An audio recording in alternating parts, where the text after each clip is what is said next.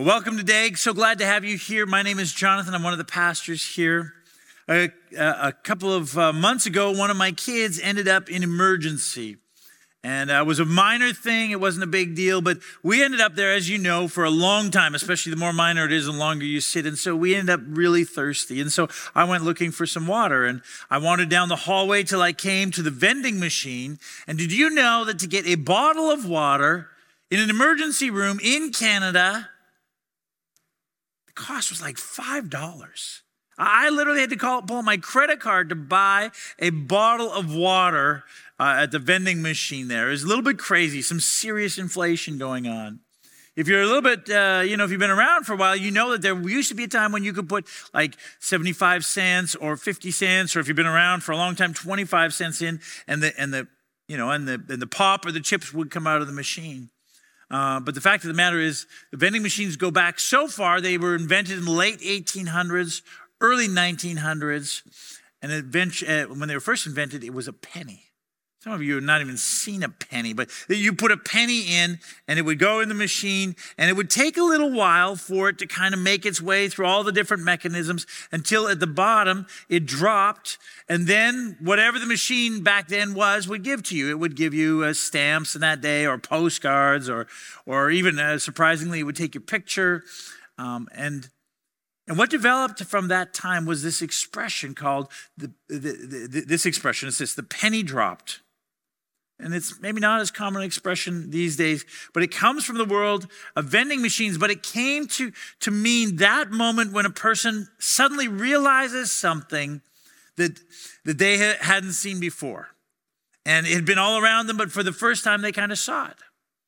I remember when uh, Newell and I, when we uh, were new parents, we, uh, our first daughter was born, and it was a couple of months in. And I remember one day holding that that baby, and we I mean we just worked hard all the time, sleep and eat and and nap and play and all that stuff. And it, and it suddenly in that moment it suddenly dawned on me the kind of investment and energy and sacrifice and hard work that my parents had poured into me all those years. And I realized, oh, I'm going to do this for a long time to come. And and even though I had been in the midst of all that, even though I'd experienced all that love and sacrifice and, and, and energy and time when I was a kid, it was only at that moment that the penny kind of dropped. And I'm like, oh, wow, this is what parenting is about. This, this is what they did for me. And that's where this expression comes from. Or, or that's the idea the, behind this expression. And in this story that we're looking at today in John, we come to the part of the story where the penny finally drops. Today we come to the part where a bunch of people that Jesus is talking to finally suddenly say, Oh, oh, I get it. I, I, I understand. And it's been part of this story that we've been looking at. It's a fairly long story. We're in, in John chapter 6. We're already in verses 60 to 71 today. But it began at the beginning of this uh, chapter with Jesus feeding the 5,000 and he feeds them with five loaves and two fish, this incredible miracle. And, and then there's this drama that takes place over the next day or so where the, the crowds go away and the disciples travel through a storm at night and they end up in Capernaum. And, and these people follow him back and they want more bread from him. They want more food. And Jesus says, Look, look now, you're, you're asking for the wrong thing. You're asking for physical bread, but you should be asking for the, the bread of life because I will satisfy that spiritual hunger that is in every single individual that can only be satisfied by me, by, by God in their life. And so he, he offers them that. And, then he says this that they must, if they, if they want that, if they want to have that hunger satisfied in their life, they must eat his flesh and drink his blood. In fact, this is, this is what he says in, in verse 53. It says this Jesus says, Very truly, I tell you, unless you eat the flesh of the Son of Man, he's referring to himself, and drink his blood, you have no life in you. Whoever eats my flesh and drinks my blood has eternal life, and I will raise them up at the last day. For my flesh is real food, and my blood is real drink. Whoever eats my flesh and drinks my blood remains in me, and I in them. Now you can imagine after he teaches this, after he says this, that the, the people standing there, their eyes are kind of wide, like, whoa, that's, that's really I mean, that's quite the thing to say. But, but And now we come to the part of the story that we're going to look at today. And in verse 60, it says how they responded. It says this On hearing it, many of his disciples said, This is a hard teaching. Who can accept it? Notice that they don't say this is a hard teaching. Who can understand it? They understand now what, what Jesus is actually trying to say. They say and said, This is a hard teaching. Who can accept it?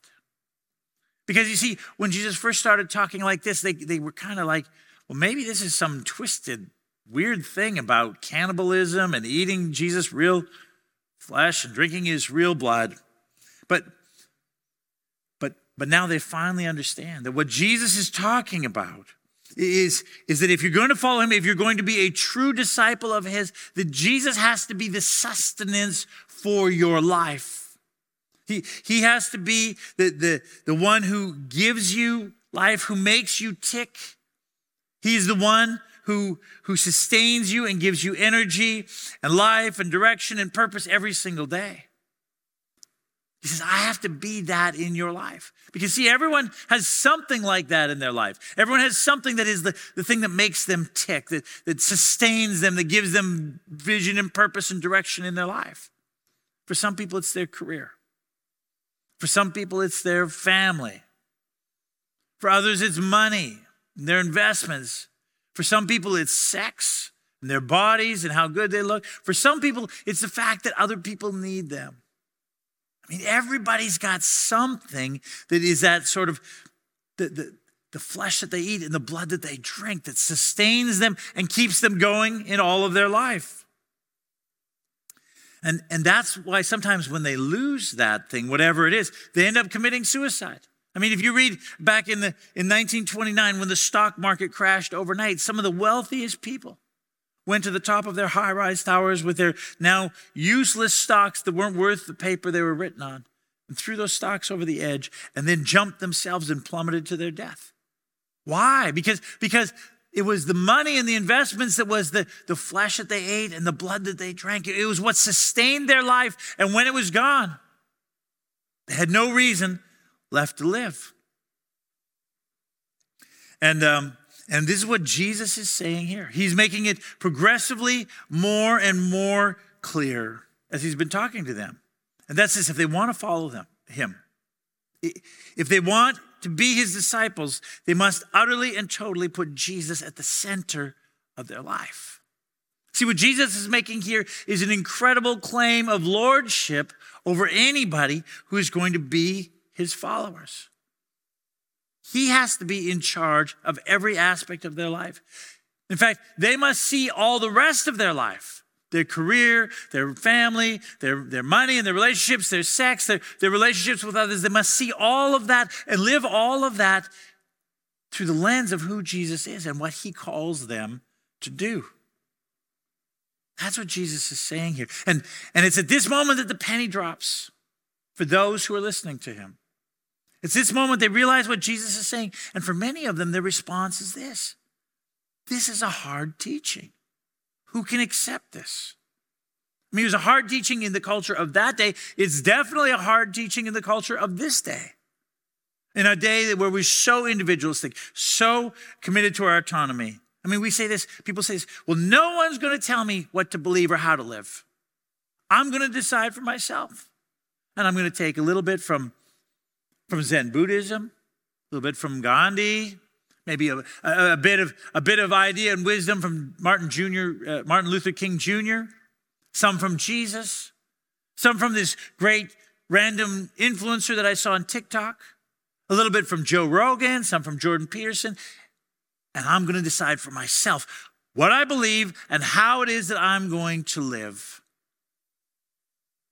But Jesus says, if you're going to follow me, you have to eat my flesh and drink my blood. I must decide how you live your life. You can listen to all those other people, you can glean some good things from them, but only if they line up with what I say and who I am. Because I, if you're going to follow me, I'm going to be the Lord of your life. I'm the bread of life for you.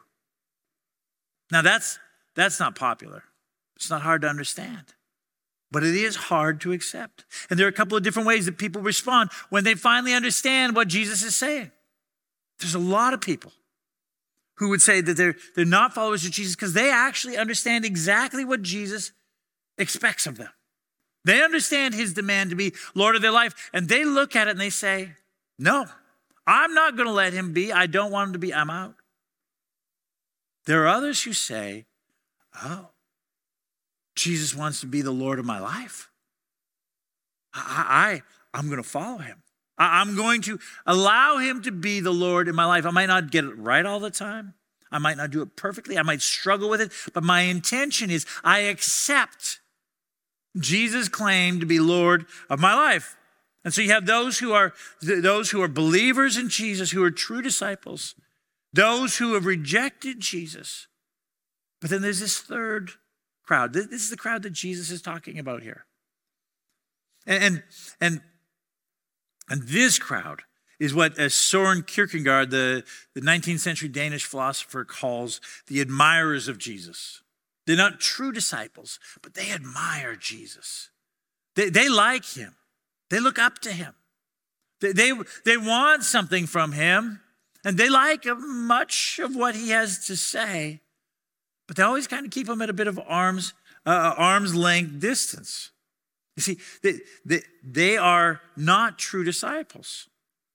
For, for this group, and, and that's the group that Jesus is talking about here in this story, and now for them, the penny is suddenly dropped. And it rattles them. And it, and it bothers them. And, and Jesus knows it. In verse 61, he says to them, Does this offend you? Yeah. That you would require demand to be the Lord of my life, that's offensive to me. And Jesus says, That's okay. And then he goes on to explain it one more time. And then he says this to, to them in verse 64. He says, Yet there are some of you who do not believe. There are some of you here who simply, you're following, you're, you're, you're here, but you don't believe. And, and John goes on to explain, For Jesus had known from the beginning which of them did not believe and who would betray him. See, this group, I mean, I mean Jesus knows about the non believers, and I mean, he doesn't love it, but he's fine with it. He, he knows about those who are his true disciples. But this group here, the, the admirers, makes Jesus, I don't know if that's right, the right term, but it kind of makes him nervous. It makes him wary of them, and, and, and, and he's very much aware of them. I mean, he, he, he talks about this group a number of times. He talks about, he tells a parable about 10 virgins who were invited to a wedding to, to, to visit the bridegroom. And while they waited for him, they all looked the same. At a glance, they were like all the same. But five were prepared for him, and five weren't. When the bridegroom came, half of them split, they were gone. He says, Look, half of them were true disciples, and half of them were simply admirers of Jesus. Tells another parable where he, uh, he talks about the, the sower and the seeds, about four different types of soil. And the sower throws the seeds on all the different soils. And in a bunch of those soils, the plants take root and they begin to grow, and there's life everywhere. But only one of the four actually is good soil where the fruit, the, the, the plant goes deep and it, it, produces lots of fruit. The other ones, the seeds are trampled on and the, and the, and the, and the plants die quickly. He says, there's, this, there's these people there that are simply admirers. They like it from a distance. And that, and, and, and this group that Jesus is talking to, that's what he's talking to right now, the, the admirers. And they, they admire him for different reasons. Some are there because they just came with the crowds. Verse 2 says, These crowds came to hear Jesus. And there are some who, who were caught up with everyone else and just came to see who Jesus was and what he was doing. They were part of the part of the crowd. And, and this has been the case for us in this part of the world, in the western part of the world, in what has been called Christendom. This idea that a whole culture engages and embraces the, the Christianity which means that within those who identify as Christians, there are all sorts of people who are simply admirers of Jesus. They call themselves Christians, but they're there simply because, because everyone else is there. Because being a Christian was a good thing to do. It was maybe advantageous for them for business. It made good connections for them. This has been the case, was the case certainly in Canada for many years, and until recently has been the case in the United States. But now, now, being part of the Christian crowd is not not so popular. It's not looked upon so highly. And so nowadays, sometimes you read in the media and they'll say, oh, the number of Christians, especially in the United States, is just dropping, dropping, dropping. And it is. But what's dropping is not those who are true and genuine followers of Jesus, but the admirers. Those who were there simply because it was good for business, it was good for their relationships, it was good in their world. The fact of the matter is, the true number of believers, those who are genuinely committed to following Jesus, is quietly growing. We just don't hear about it in the census data because many admirers are dropping and will continue to drop for the next little while until, until that sort of process is done. See, some follow Jesus simply because of the crowds. If you read on in the story, others admire Jesus because they see him doing miracles. They, they saw Jesus, uh, you know, bringing bread and fish to people, and, and they wanted that. And today, again, there are some who say, I want, I want, you know, I, I admire Jesus because I want him to do in my life the kinds of change and transformation that he's done in the lives of others. But, but I don't actually want to submit fully to him. I just want him to do in my life what he's done in the lives of those who have truly committed to him. They want him to do it on their terms. They want him to heal, their, heal them and give them hope and take away their fears. But they don't want Jesus to be their Lord. They want him to be their business partner. And so they come to church. And they do good deeds. And then they live a moral life and they pray. And they, and they're, but they're expecting a return, a, a return on their investment.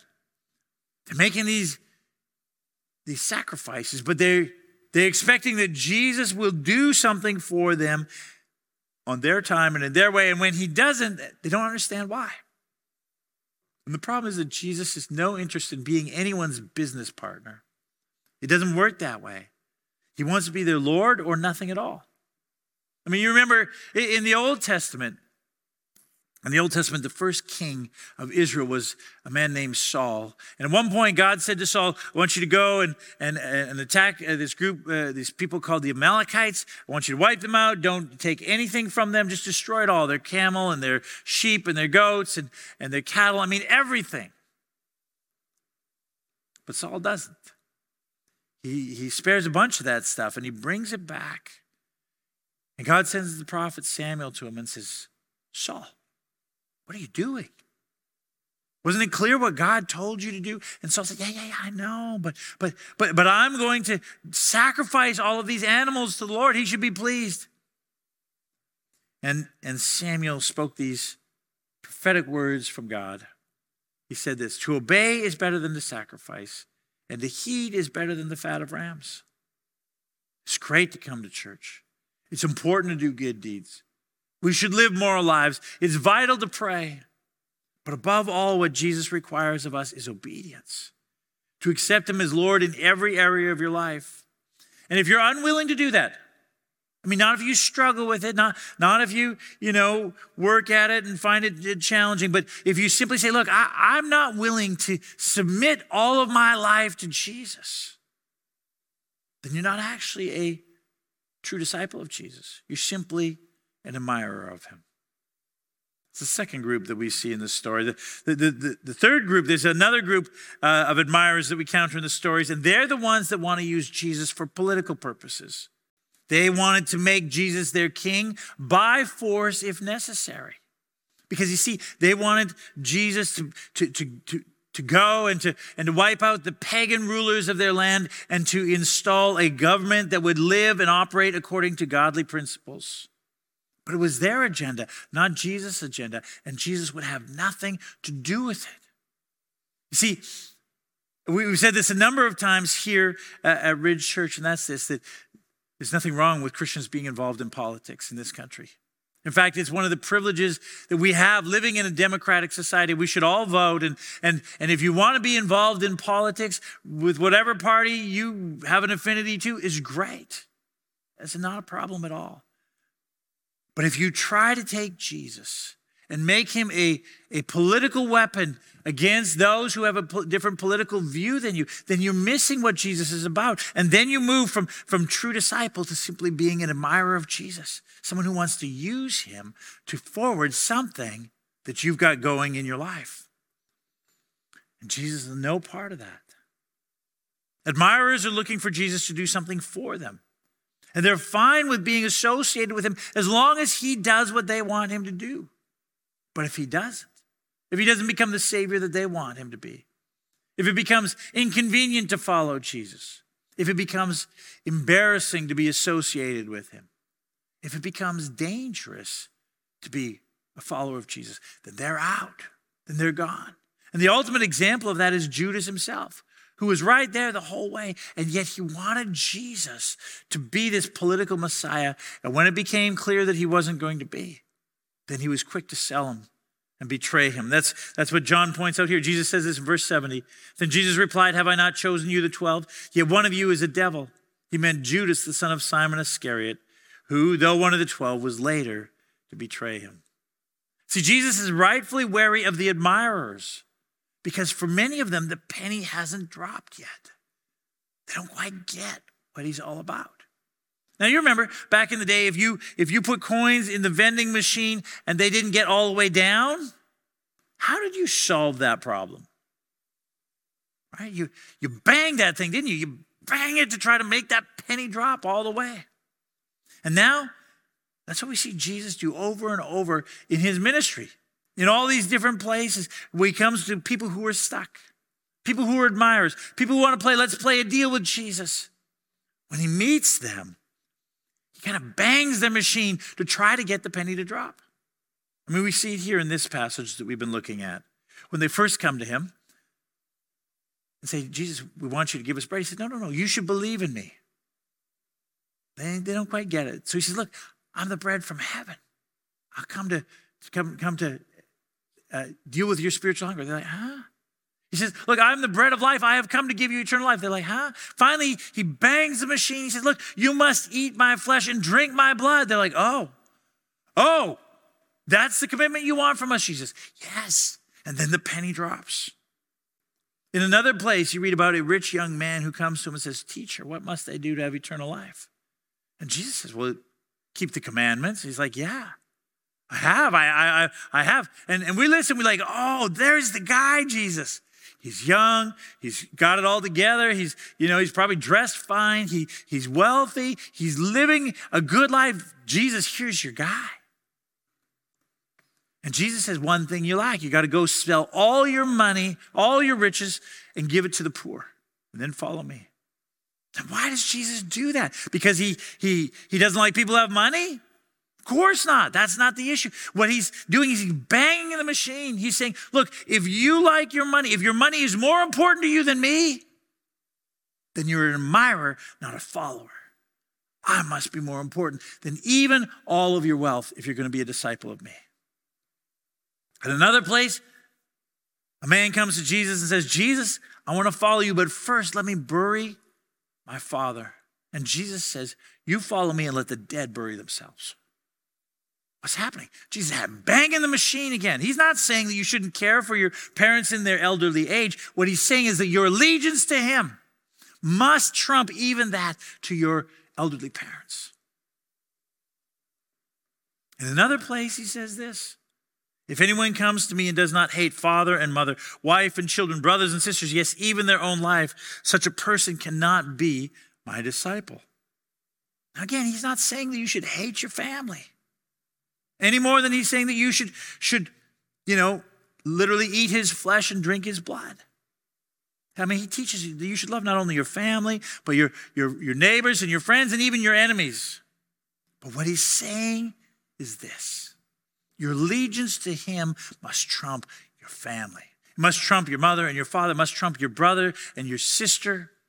It must trump your, your, your, your children. It must trump your relationship with your boyfriend or your girlfriend. He's saying, if you're going to follow me, I must be first in your life. In fact, what he says right after this is this Whoever does not carry their cross and follow me cannot be my disciple. Whoever does not give up their life so that I might give them my life cannot be my disciple. You must submit completely. I must be God in your life. Philip Yancey writes this. The historian of Alcoholics Anonymous titled his work, not God. Because he said that stands as the most important hurdle an addicted person must surmount to acknowledge deep in the soul not being God. No mastery of manipulation and control, at which alcohols, uh, alcoholics excel, can overcome the root problem. Rather, the alcoholic must recognize individual helplessness and fall back in the arms of the higher power. First of all, we had to quit playing God, concluded the founders of AA and then then allow God Himself to play God in the addict's life, which involves daily, even moment by moment, surrender. What's true for those who are addicted to alcohol is true for each of us. If you want God to work in your life, if you want Jesus to genuinely change and transform you, if you want Him to heal your brokenness and to use your giftedness, then you have to surrender to Him completely. Otherwise, Otherwise, you're just an admirer. Otherwise, you're just a business partner with someone who doesn't want to be in business with you. And not much will happen. And you look at, at your life and, and you look at Christianity and say, I don't understand why it's so powerless. I don't understand why nothing's happening in my life. And the first time that it becomes really inconvenient to follow Jesus, or when it becomes even more embarrassing in the eyes of the world to be associated with Jesus, or if ever it becomes downright dangerous, you'll be out because you never were really in. That's what happens here when the penny drops. Verse 66 says this From this time, many of his disciples turned back and no longer followed him. When the penny dropped, many who appeared to be following Jesus said, Oh, that's what it's about? I'm out. Many, but not all. Jesus turns to his 12 disciples and he asks them, He says this, You don't want to leave me too, do you? And Simon Peter, he answers this way He says, Lord, to whom shall we go? You have the words of eternal life. We've come to believe and to know that you are the Holy One of God. Peter gives here the most simple definition of what it means to be a Christian. First, he admits that he's helpless.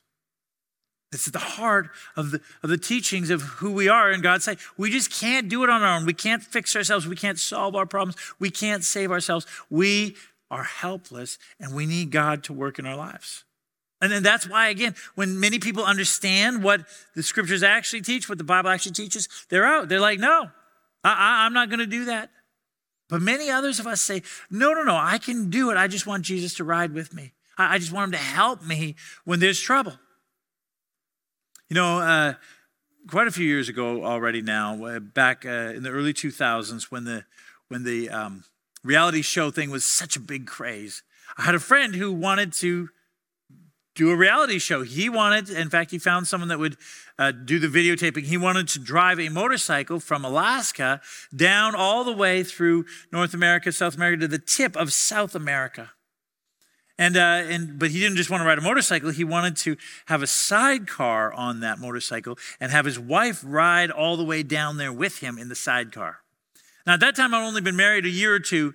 I didn't know a lot, but I was thinking, I don't think that's a very good recipe for a happy marriage to have your wife sit in the sidecar as you drive all the way to South America. Turns out, I think she didn't think it was such a great idea either. So he came back. He said, John, you should do it. And I'm like, what? Me? What, what would I do? He said, look, all you have to do is sit there and enjoy the ride. And, and if we come to some like bad spot in Central America, where if we run into some drug lords or something like that, it, literally, this is what he said to me. You just have to be willing to pull out a flare gun and shoot them with a flare gun so we can get away. Really? Are you kidding me? Not a chance. Not a chance. But that's often our attitude about Jesus. Jesus, I know where we're starting. I know where we're going to end up. I know how we're going to get there. I'm going to do all the driving. I just want you to ride in the sidecar. And if we get into a tight spot, I want you to get out the flare gun so we can get away. And Jesus, I mean, it doesn't work that way. If you're going to follow him, he must be Lord of your life. He must be in control. Which leads to the second, the second part of being a true disciple. That says you must trust him. You must utterly trust him in all that he says and does. Lord, you alone have the words of eternal life. We know who you are. We believe with all our hearts that you are God, and so we trust you. Dr. Martyn Lloyd-Jones Jones says that anyone who has any conceivable alternative to Jesus Christ is not a Christian.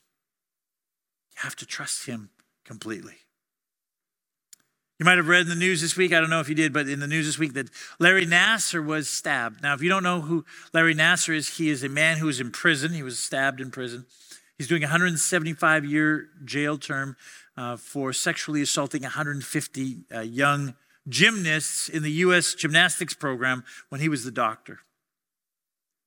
And the first uh, of those 150 victims to uh, stand up and, and call him out was a lady named Rachael Denhollander, a very courageous woman, uh, a deeply devoted follower of Jesus. And uh, in, the inter- in one of the interviews that she did later, they asked her, Well, how did all of this stuff affect your, your faith in God? And she said it was hard. It was hard. She, she said, God, how could you allow this thing to happen to me if you're a good God? I mean, where, where, where were you when this happened in my life? And the interviewer said, Well, how did you how do you resolve that? She said, well, I went back to the Bible. And she said, and in particular, I went back to this verse that we're looking at here today. Lord, to whom else will I go? You alone have the words of eternal life. She said, I didn't always understand. I didn't know why. I didn't get it all. I, I, I, I struggle with it. But Lord, where else would we turn? You alone are God. And so I trust you. See, you, you can't do it on your own. You have to trust Jesus. It is the essence of being a true follower of Jesus. maybe today, as we've been talking, you know, Jesus has been banging on your machine. He's been saying to you, look, if you're a follower of Jesus, if you're going to be a follower of me, then I have to be Lord of your life. And if it feels a little a little rough, if it feels a little, little, little startling, it's not because he's mean, it's because he's kind. It's because he wants you to understand. He, he wants the penny to drop because he's the bread of life. He's the one that will satisfy that spiritual hunger in your life. You can look at all kinds of other places. You're just not going to find the kind of satisfaction that your soul needs. He alone is the one who gives that. But he insists that he be the Lord of your life. There is no other way that he will do it. You will never be satisfied otherwise. And so he rattles you. But his goal is not to drive you away. His goal is to invite you in, and he pleads with you. Look, you don't want to leave too, do you? Come and follow me. You know, when it comes to a passage like this, if you're a genuine follower of Jesus, then sometimes you get a little nervous, like, oh, you know, I don't do this all the time. Am I, am I an admirer? Am I, you know, and, and if, if the Holy Spirit has been convicting you as we've been talking, then you just listen and say, okay, God, in this in this part of my life, I, I do, I, I, give it to you again. I, I submit to you again. Help me. Help me, God, to do it. And that's okay. If you accept this idea and you lean into it, even if you don't get it perfect, you're a follower of Jesus. On the other hand, if the penny did drop for you today, then you need to decide I mean, Jesus or you? Who's going to be the Lord of your life? Because, see, the life of an admirer of Jesus is kind of the worst of both possible lives. You, you neither get the apparent freedom of not following Jesus, or nor do you get the genuine freedom and hope and life that comes from following after him. And so the invitation today is to say, okay, okay, Jesus, I believe that you are who you are. I, be, I believe that you died and that you rose again. And so so then you're God. And I'm not God. And so I submit my life to you. I give my life to you. Follow him. He says, My yoke is easy. Not meaning that he doesn't have a yoke, but that, that of all of the options, this is the best. And my burden is light. And you'll find rest for your soul. Come and follow Jesus. Would you bow your heads with me? Let's pray. Well, Jesus, we come to you today and we thank you for who you are. We thank you for what you've done in our life. We thank you what you did on the cross, that you rose again. Jesus, we come to understand that, that you demand If we're going to follow you, we demand that we submit our lives fully and completely to you. God, Jesus, you know it's so hard. By nature, we want to be our own gods. By nature, we want to set the course. By nature, we want to go our own way. We just want you to help when we need you. God, forgive us for that. Help us in every area of our life. God, to submit to you, to Jesus, to say, You're the Lord. You're the one that we're going to follow. And where we haven't, God, we confess that and we repent, it, repent to you and we say, God, forgive us for that. Give us the strength, Father, to follow after Jesus with all of our heart so that we might find life, so we might know life, so we might experience the abundant life that you have to offer.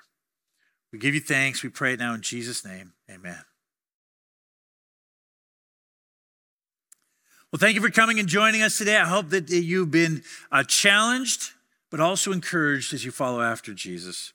Let me send you out with these words To him who is able to keep you from stumbling and to present you before his glorious presence without fault and with great joy, to the only God our Savior be glory, majesty, power, and authority through Jesus Christ our Lord before all ages, now and forevermore.